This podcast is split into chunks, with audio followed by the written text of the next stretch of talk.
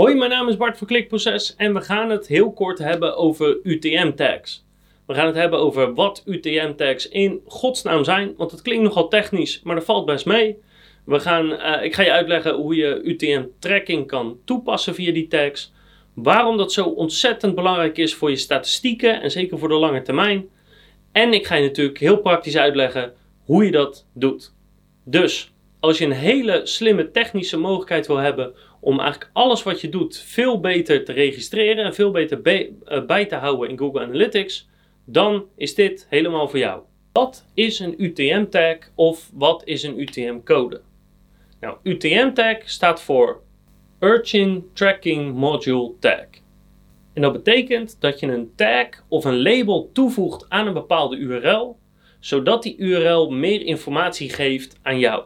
En in dit geval, of in de meeste gevallen, eh, geeft het meer informatie weer die je in Google Analytics toonbaar kan maken, zodat je de data beter kan gebruiken. En dat wordt ook wel UTM tracking genoemd. Nou, voorbeelden van, van UTM tracking informatie die je dus kan zien, uh, als je dat toevoegt aan een URL, is bijvoorbeeld uh, vanuit welke bron komen ze. Dus komen ze vanuit Facebook of vanuit AdWords of vanuit LinkedIn. Je kan zien op welke pagina ze landen. Je kan eigenlijk zien welke bronnen daarmee meer geld opleveren dan andere. Kortom, je kan heel veel informatie halen als je een UTM-tag toevoegt aan je URL, als je een URL gaat delen met de wijde wereld. En dat is natuurlijk cruciaal, want alles wat je doet wil je zo goed mogelijk meten. En hoe meer informatie je in Google Analytics hebt, en je zeker weet dat die informatie accuraat is, hoe beter dat is om te bepalen wat heeft gewerkt en wat niet. Bijvoorbeeld in Facebook kan je echt per advertentie en per doelgroep exact zien wat heeft nu het meeste opgeleverd en wat niet. Dus wat voor UTM-parameters, wat voor labeltjes kan je dan toevoegen aan een URL dat je dat kan meten? Nou, het zijn er zes en die heeft Google eigenlijk bepaald. En die heeft ook een hele makkelijke tool die ik nog ga laten zien, waarin je dat allemaal kan invoeren. Maar de eerste wat je kan meten, dat is eigenlijk de campagne. Ofwel, wat is de campagnebron waar het verkeer vandaan komt? En dat zijn meestal gewoon de sites of de systemen die bezoekers opleveren. Dus bijvoorbeeld Google of Facebook of je nieuwsbrief of AdWords of LinkedIn, eh, noem het maar op. Dus door een campaign, bron, uh, tag toe te voegen, kan je precies zien vanuit welke sites komen bezoekers. Daarnaast kan je ook een campagne medium toevoegen. En dat is bijvoorbeeld, is het betaald of is het onbetaald? Komt het vanuit een e-mail of komt het vanuit een forum? Dus, dus wat is precies het middel dat uh, dat verkeer gestuurd heeft? Ook kan je een campagne naam toekennen. En het kan bijvoorbeeld de overkoepelende naam zijn van alle acties die je aan het doen bent. Of een specifieke naam van een specifieke campagne die je draait. Eigenlijk kan je alles hiervan maken zodat jij snapt waar komt dit verkeer vandaan. Op die manier kan je dus ook bijvoorbeeld zeggen: we hebben op dit moment uh, meerdere campagnes lopen. We hebben een grote campagne lopen gericht op broeken en een grote campagne gericht op t-shirts. En die worden en op Facebook en op Instagram en op AdWords worden die allemaal verspreid. Maar de een krijgt dus allemaal de tag broeken de andere krijgt de tag, wat zei ik net, truien volgens mij. Dus um, los van dat we het kunnen splitsen per de website waar het vandaan komt, we kunnen ook zeggen nee, we pakken de complete campagnes en dan kunnen we zien welke draait beter. Campagne termen kan je ook toevoegen. Uh, en dat is bijvoorbeeld wat voor specifieke doelgroep is er getarget of welke specifieke zoekwoorden zitten hier aan gekoppeld.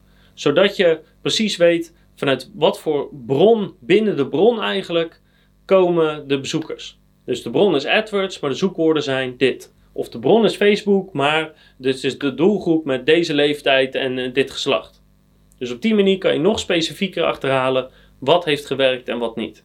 En als laatste kan je campagne content toevoegen. En dat is wat is de specifieke advertentie waarop mensen hebben geklikt.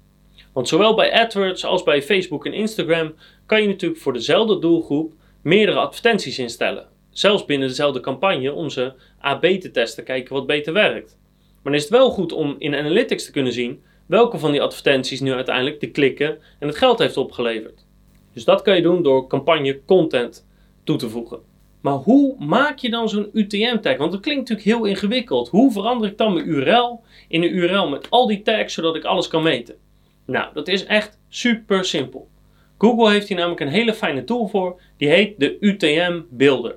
En je ziet hem hier verschijnen en de URL laat ik ook even zien. En het is heel simpel. Je vult bovenin vul je, je originele URL in. Vervolgens in de vakjes daaronder vul je in wat je wil invullen. En helemaal onderaan de pagina is je nieuwe URL. Kopiëren, plakken en je bent er. Zo simpel is het. Dus het toevoegen van UTM-tags of UTM-parameters aan een URL, super simpel. Nou, en hoe zie je dat nou in Google Analytics? Nou, ik heb hier even een voorbeeld gepakt. Dus je gaat even in Google Analytics, dit is van onze eigen site, naar acquisitie, alle verkeer en dan bronmedium. En dan zie je hier de verschillende bronnen verschijnen, omdat we die UTM-tag hebben toegevoegd. En dan zie je bijvoorbeeld ook, we hebben ook een UTM-tag aan onze e-mail handtekening. Alleen die handtekening levert dus blijkbaar geen klik op. Nou, dat zien we nu ook heel duidelijk in Google Analytics. En dat is het. Het is super simpel om ze toe te passen, maar het maakt alles wat je doet extreem meetbaar. Dus ik zou zeggen, voortaan als je een link plaatst, maakt niet uit op welk platform, maakt niet uit via welk kanaal. Zorg dat je een UTM-tag toevoegt, zodat alles meetbaar is. En ik zie je graag terug de volgende keer, want dan heb ik nog veel meer advies voor je op het gebied van SEO, maar ook conversieoptimalisatie, YouTube en voice.